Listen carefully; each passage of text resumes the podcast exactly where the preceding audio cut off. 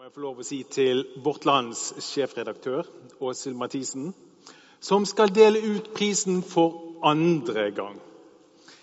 Når jeg ser nedover listen av tidligere vinnere, så slår det meg at du har gjort noe med prisen. Jeg lurte på om vi skulle ta det nå. Eh, har du det klart, svaret? Et lite øyeblikk. Jeg må hente det andre kortet. Ja.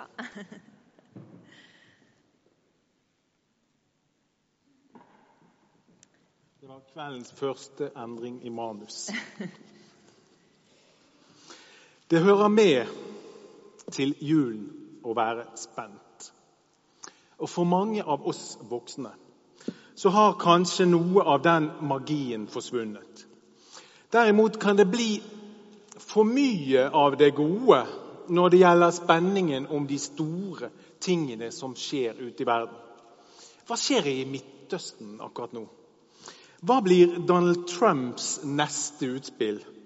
Hvordan vil landet vårt og kulturen vår utvikle seg i tiden framover med et helt nytt religiøst virkelighetsbilde? Vi i vårt land vi mener at den kristne troen og det kristne menneskesynet er viktigere og mer aktuell enn noensinne. Derfor gir vi ut aviser hver eneste dag som setter det som skjer, inn i den store sammenhengen. Og Derfor deler vi også ut Petter Dass-prisen til aktører som i tradisjon til Petter Dass på en spesiell måte klarer å sette kristen tro på dagsorden. Åse Mathisen. Da jeg så på listen over prisvinnerne, slo det meg at du har gjort noe med denne prisen. På listen finner du Egil Svartdal, kronprinsesse Mette-Marit og Rune Larsen. Mennesker som vi tenker har medvirket til at kristendommen har fått en styrket posisjon i samfunnet. Men i fjor gikk prisen til Ruth Helen som snakket om maktmisbruk i kristne ungdomsmiljøer. Og i år er bl.a. Espen Ottosen nominert, som ikke akkurat er kjent for å snakke alle i samfunnet etter munnen. Hva er det du har gjort med prisen, Åshild? Den endringa som eh, vi har gjort med Petter Dass-prisen, er vel kanskje litt det samme som den endringa vi gjør med Vårt Land hver dag, og som vi to sitter og diskuterer mye på redaksjonsmøtene. Og det er jo at eh, samfunnet har endra seg, og måten media skriver om religion og religiøsitet på, har endra seg. Man har fått et økt søkelys på seg, kanskje også mer kritisk.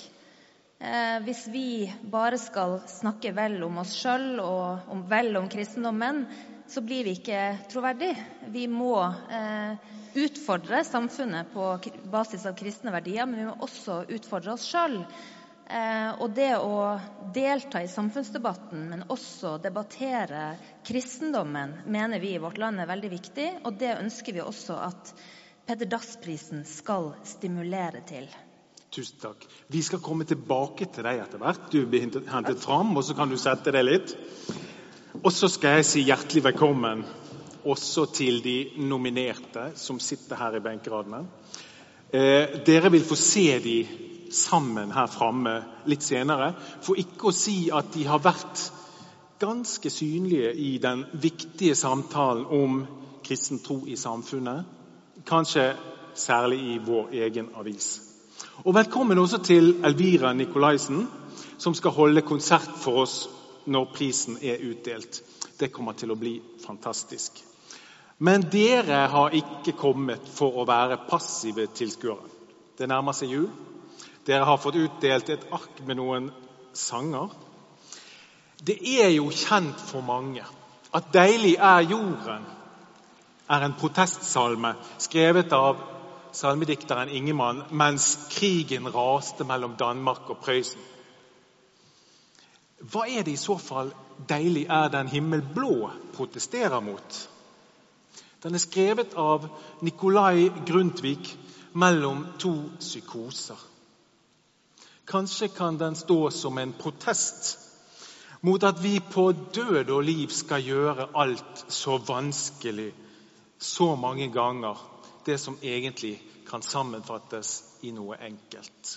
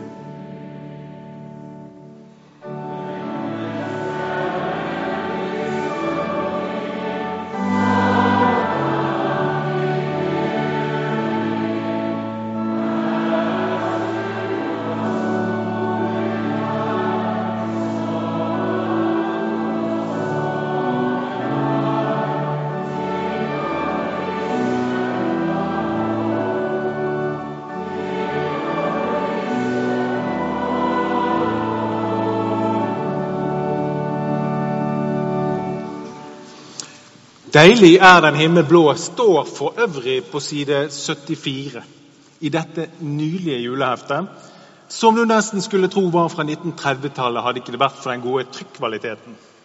Vi i Vårt Land var ganske spente da vi i fjor for første gang sammen med Egmont Publishing eh, laget juleheftet Hellig jul. Var det marked for et julehefte som handlet om julens egentlige budskap? Det var det. Og det er så til de grader at vi har kommet med et nytt hefte i år.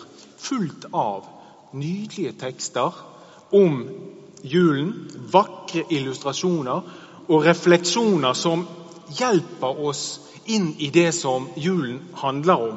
Det som ofte er så vanskelig å holde fast ved nå i årets aller travleste tid. Dette heftet får du kjøpt ved utgangen. Det koster 150 kroner. Og det gjør ingenting om ikke du har med deg kontanter, for du kan betale med både kort og med VIPS. Nå skal du få møte vår neste gjest. Han har skrevet en av de første tekstene i dette heftet. Den har tittelen 'Verdens lys'. Professor i teologi, forfatter og jeg tror jeg også må kunne si misjonær. Notto Telle. Han er her i dag for å si noe om temaet som aldri blir gammelt. Vær så god, Telle.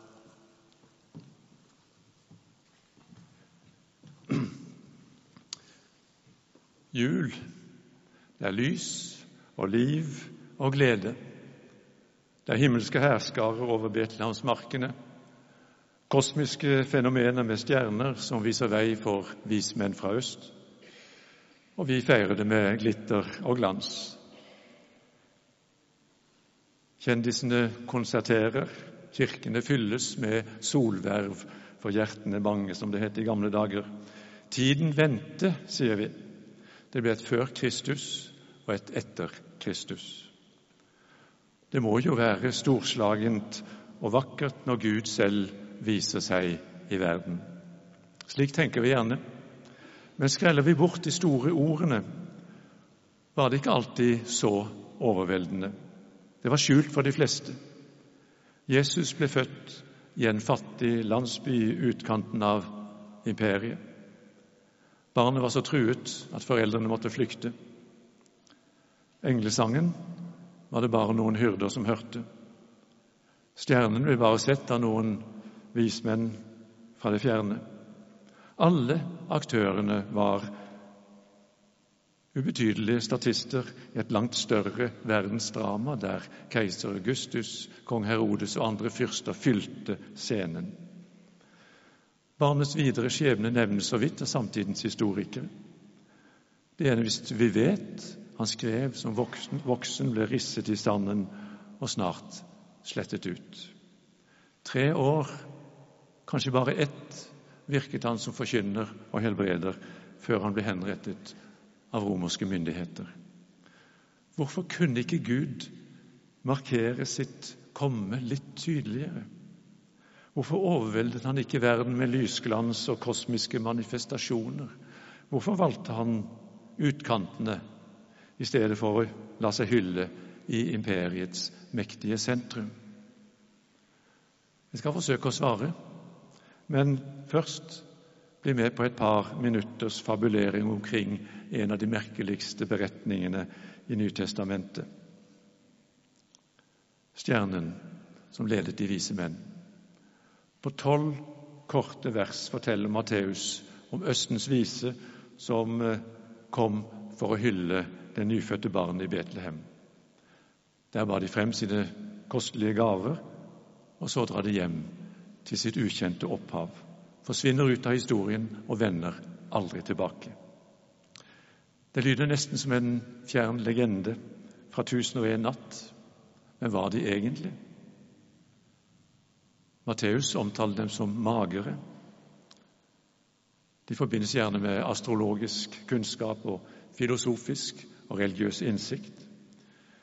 De brakte med seg, tenker jeg, dufter fra hoff og harem og forgylte haller. Kanskje en stenk av støv fra bokruller og bibliotek. Vi kan formelig høre den eksotiske musikken i det fjerne, larmen fra persiske markeder. Hva i all verden fikk Matteus til å overse Bibelens helt kontante avvisning mot stjernetydere og spåmenn så han lot astrologer fra et ukjent sted i øst bruke sin skjulte visdom for å finne et jødisk barn i en avkrok av verden. Så er det jo interessant at jo mindre Bibelen røper, jo mer er det plass for den fromme fantasien til å fortelle videre. Det var tre fyrstelige gaver gull, røkelse og myrra. Så var det vel tre hellige kommer, konger som kom, tenkte man. Senere fikk de navn, det vet vi alle. Kaspar, Melchior og Balthazar. I middelalderen ble de feiret som helgener med store fester. Og gavene ble tolket som tegn på barnets guddommelige opphav. Gullet som et tegn på barnets kongelige kall. Røkelsen minner om at han skulle bære seg selv frem som et offer for Gud. Og myrra salve for de døde, minnet om den døden som ventet ham.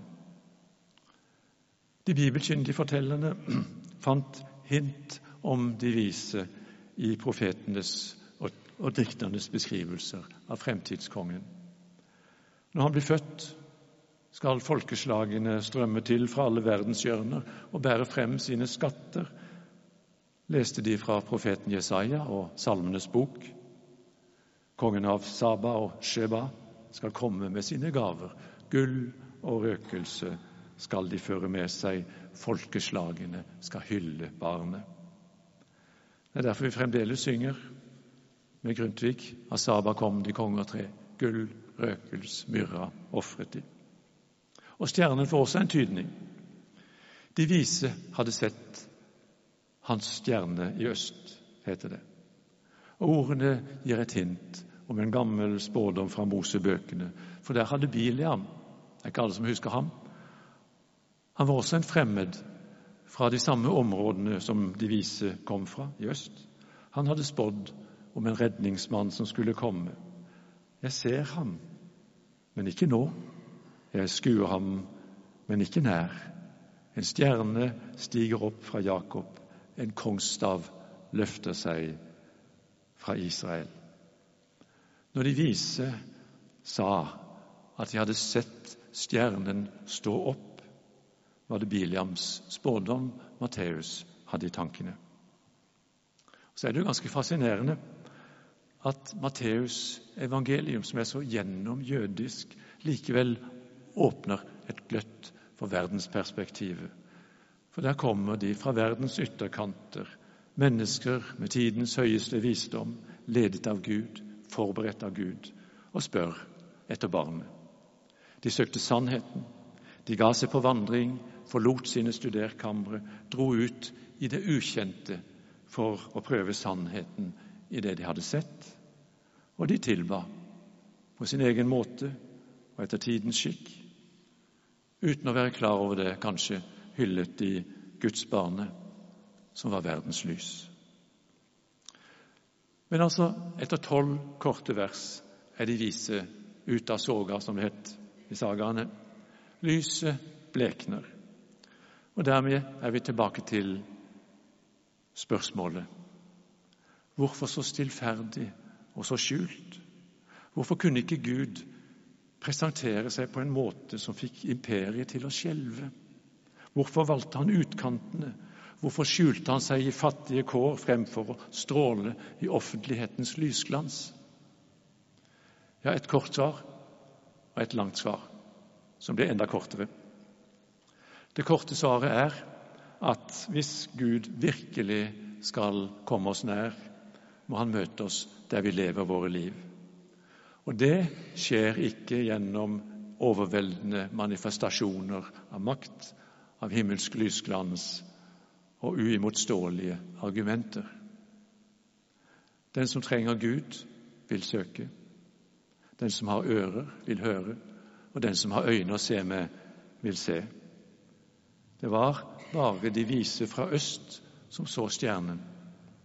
Det var bare hyrdene som hørte englesangen. Det var bare et barn som var tegn på Guds komme. Man kan eh, tvinge til underkastelse. Kosmiske fenomener kan imponere. Argumenter kan skjerpe tanken.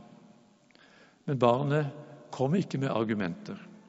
Det brukte ikke makt og lokket ikke med mirakler.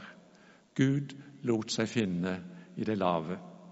Der ble Jesus født, der virket han, og der døde han. Det vi trenger, er gjesten fra det høye, som Grundtvig sier i en annen sang. Gjesten fra det høye som valgte å bo lavere hos oss. Og det lange svaret er det ikke plass til her.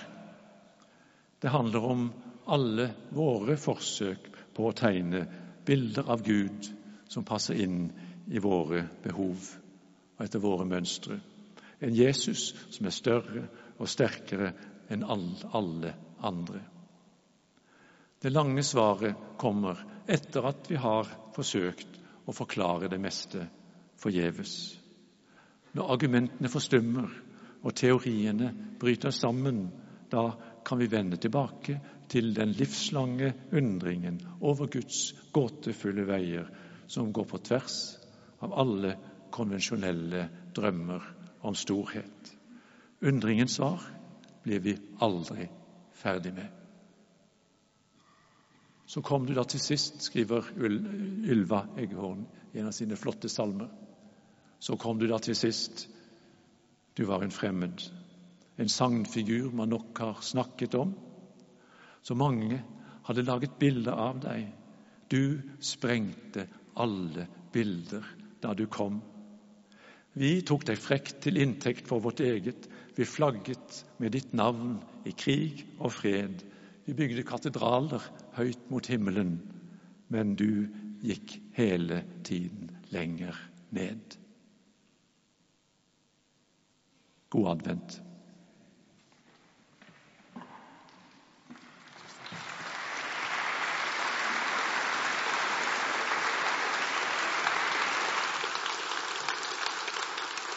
Tusen hjertelig takk, eh, Nototelle. Vår spenning er ofte knyttet til det som skjer i det høye. Det viktige skjer noen ganger i det lave. Apropos spenning, så skal vi nå snakke om prisvinnerne. Dvs. Si de nominerte. Eh, det er jo sånn at Jeg vil jo si at det gjeve er å bli nominert når vi har brukt så mye plass i våre spalter på å fortelle om de tre nominerte som vi har gjort, så er det fordi vi mener at alle tre kunne fått denne prisen. Og så måtte sjefredaktør Åshild Mathisen gjøre et valg. Og nå skal vi ikke holde dere på pinebenken lenger. Vær så god, Åshild.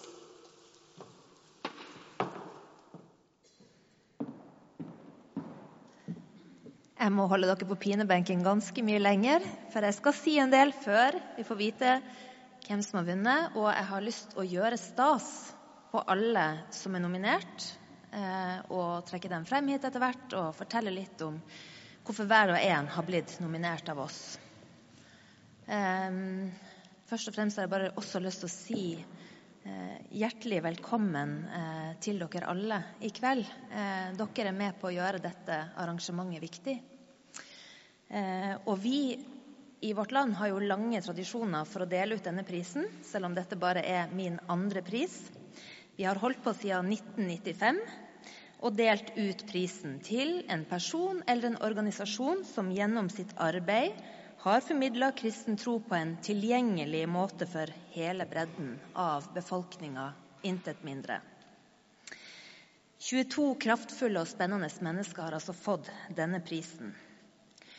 Og når Vårt Land bruker Petter Dass som symbol for prisen, så er det fordi vi legger noen karaktertrekk i den historiske Petter Dass som vi mener fortsatt er viktig. Dikterpresten som satte ord, rim og rytme på fiskerbondens liv og strev. Som på mesterlig vis fortolka nettopp små menneskers liv på toppen av kloden i lys av et evangelium fra en annen tid og fra et annet sted. At steinbit og seien og torsk og skreien og nise har noe med Gud å gjøre, det har vi lært av Petter Dass. I dag kaller vi det så fint for kontekstualisering. Herren er kommet blant folket å bo, skriver han i salmen Hør nå godt nytt der folket er, om det er Nordlands bebyggede menn, eller om det er oss her i dag, midt i menneskers virkelighet, skrev Dass inn evangeliet. Så er det mange som mener at den eh, historiske Petter Dass er veldig ulik fra det glansbildet vi kanskje har tegna av han. Men striden om hvem han egentlig var, reduserer verken diktninga hans eller prisen. Dass sine holdninger reflekterte tida han levde i. Og sånn er det. Vi som praktiserer ei tru, kan aldri gjøre det uten å være prega av tida vi lever i, kulturen og holdningene rundt oss.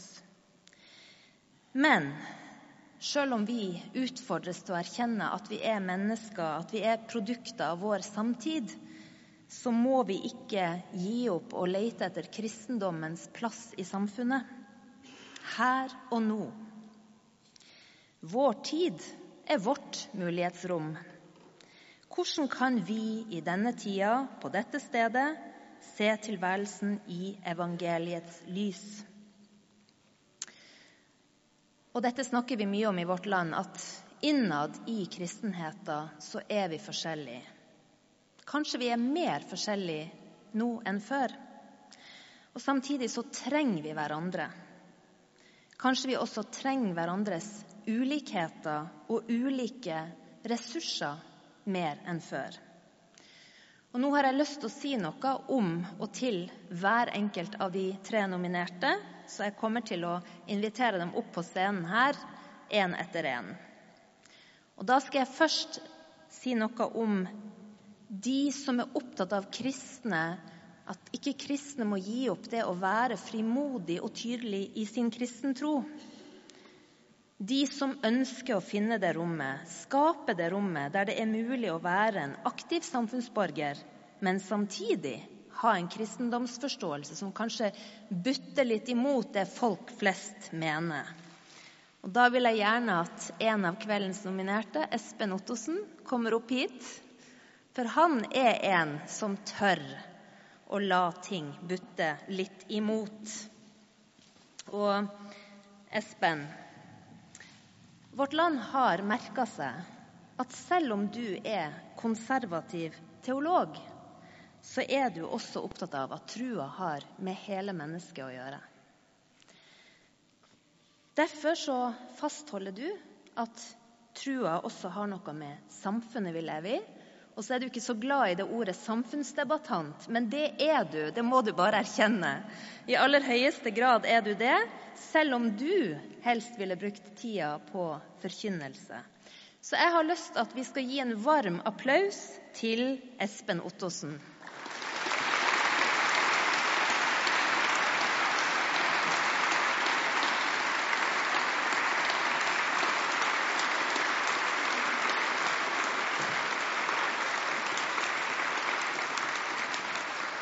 Så ser dere at han har fått noe som er pakka inn, som er i glassramme. Det får han ikke lov å pakke ut enda, for vi skal holde det suspens til siste slutt. Men da går vi videre. For for andre så er svaret på hvordan vi styrker kristendommens plass i samfunn og sinn, å skape en fellesarena. En arena der mennesker med ulik trostilnærming og bakgrunn kan finne sammen i undring, bli inspirert sammen, blir rørt sammen, ja, til og med provosert. Jeg har veldig lyst til å få opp direktør for Olafestdagene, Petter Myhr.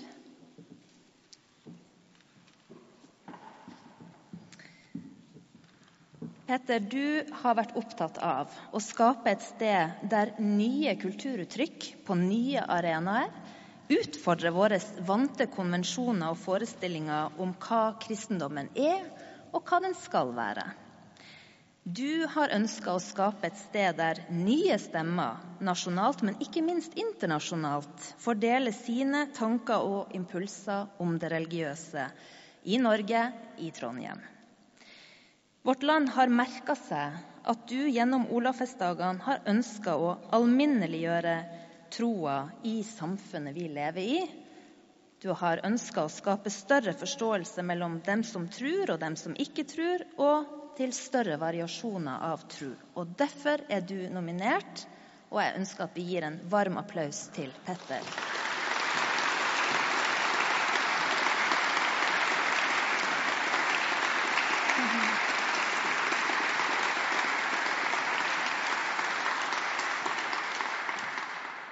Og så er det mange som mener at formidlinga i seg sjøl er viktig. Hvordan kan vi våge å stille spørsmål, ikke bare bli belært? Kjenne på at tru ikke handler om noe vi skal mestre, noe krevende eller truende, men noe som frigjør.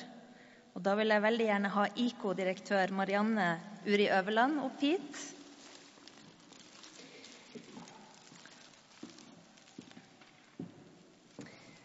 Marianne, du er nominert fordi du ønsker at formidling av tro skal gjøres med frihet, glede og tillit til Guds nåde. Du jobber for å dyktiggjøre barna våre til å reflektere rundt tro og livssyn, hjelpe hverandre og respektere hverandres tro. Og så har jeg merka meg at du jobber spesielt også for at jenter skal kjenne seg hjemme i Bibelen. Du jobber bevisst for at vi skal finne rollemodeller også for jenter, for de trenger mer enn Noas ark og Daniel i løvehulen. De trenger å møte kvinner i Bibelen som de kan identifisere seg med. Og det syns jeg er veldig flott, Og jeg ønsker vi gir en varm applaus til Marianne og IK.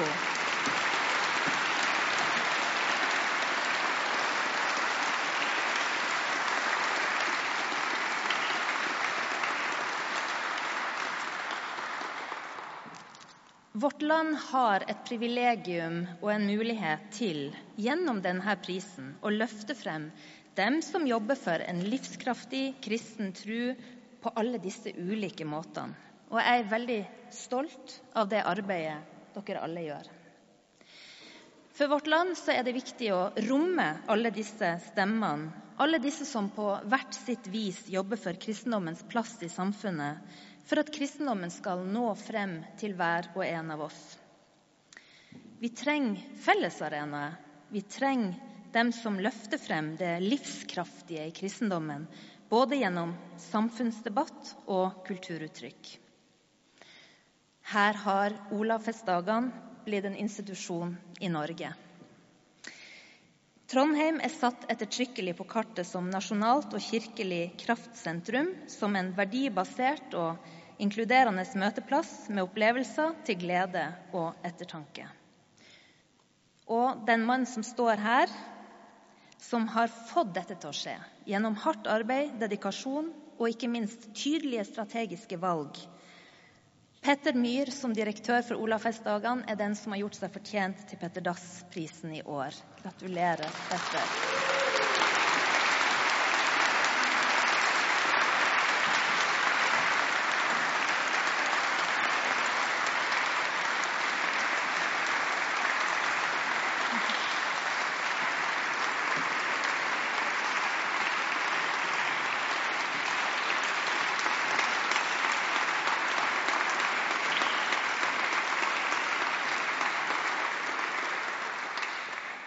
Vi trenger deg, Petter.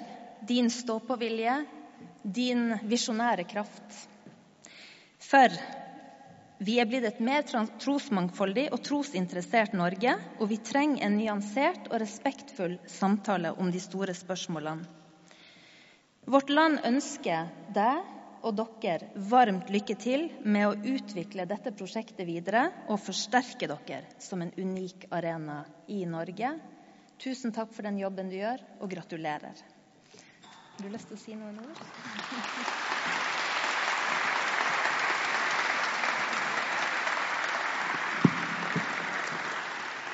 Oh.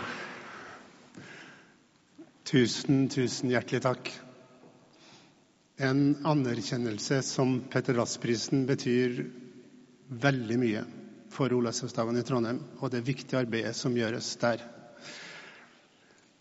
Høsten 2013 begynte jeg på Olavsdagsdagene, og da satte vi oss ned og la en femårsplan og tenkte og hadde som et hovedmål at vi i løpet av fem år skulle bli en nasjonal arena som skapte refleksjon i skjæringspunktet mellom tro og samfunn. Og Vi skal gjøre det ved å omfavne og ikke ekskludere. Vi skal gjøre det ved å være relevant og overraskende. Og først og fremst ved hjelp av kunst og kultur som evner å gjøre vår forestillingsverden større. Som kan rokke ved våre definisjoner, våre kategorier, både innenfor kunst og innenfor religion. Vi vil presentere kunst og kultur som forandrer oss, som får oss til å se oss sjøl og andre og verden på en annen måte. Og hvis du forandrer mennesker, så forandrer du også verden. Noen tror at det ikke er mulig å forandre verden. Men sannheten er at verden forandrer seg hele tida, som vi har vært innom flere ganger her i kveld allerede. Verden forandrer seg hele tida, og da er det min oppgave og deres oppgave og hver enkelts oppgave å bidra til å dytte verden i rett retning. Det at Olavsdagsdagene får en sånn pris, en anerkjennelse for at vi har klart å bli den nasjonale arenaen vi har jobba for, og som vi skal jobbe videre for i tida som kommer. Og så er det veldig sterkt for meg personlig å få lov til å motta denne prisen.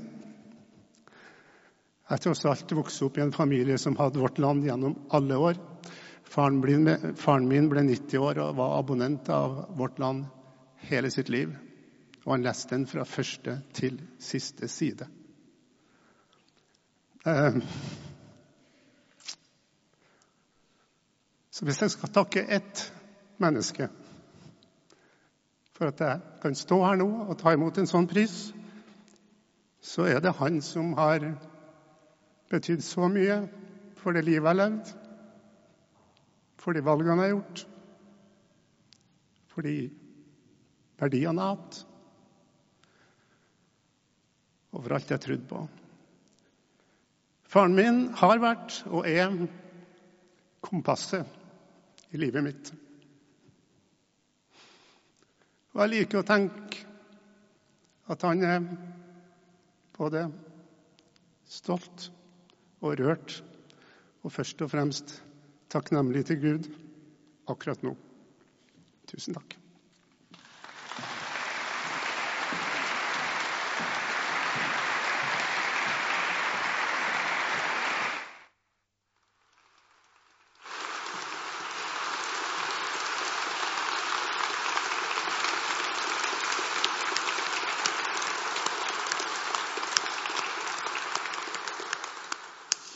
Nei, nå må vi ha litt fellessang igjen. Og hva er vel mer naturlig å synge akkurat nå enn en salme av Petter Dass? Den salmen var egentlig en vise fra 1704 som Petter Dass skrev til oppbyggelse for sin egen menighet.